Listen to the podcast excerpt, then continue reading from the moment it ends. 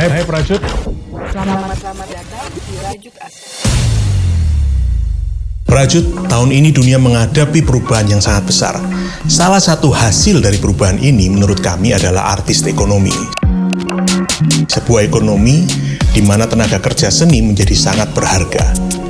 Dunia offline yang utama sekarang menjadi pilihan yang kedua. Wabah telah memaksa dunia berubah secara cepat dan mendadak.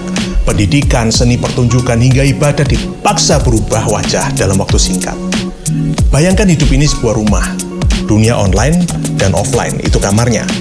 Untuk banyak industri, online masih seperti kamar yang ala kadarnya, tidak dirapikan, tidak dihias, karena memang bukan ruang untuk aktivitas utama. Efeknya, sebuah renovasi masif dunia online, peningkatan besar untuk animasi desain, ilustrasi, dan musik untuk penduduk online baru yang sebelumnya tidak memerlukan terlalu banyak sentuhan keindahan. Persaingan lokal kini jadi internasional.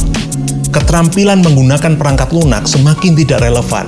Perangkat lunak baru kini mudah digunakan orang awam. Keterampilan seperti itu tidak lagi penting seperti dulu.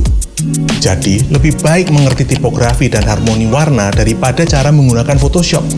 Lebih baik mengerti cara menulis lagu daripada menggunakan Adobe Audition.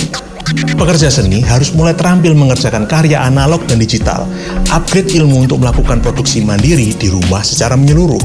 Pelajari teori-teori seni dasar agar kamu punya fondasi kuat untuk berkarya. Tingkatkan kreativitas dan selera dalam menciptakan karya yang original. Fokus untuk menciptakan hal-hal yang dapat memperkaya user experience di dunia online. Terakhir, siapkan brandingmu untuk bersaing di dunia internasional. Bersama-sama Nathan,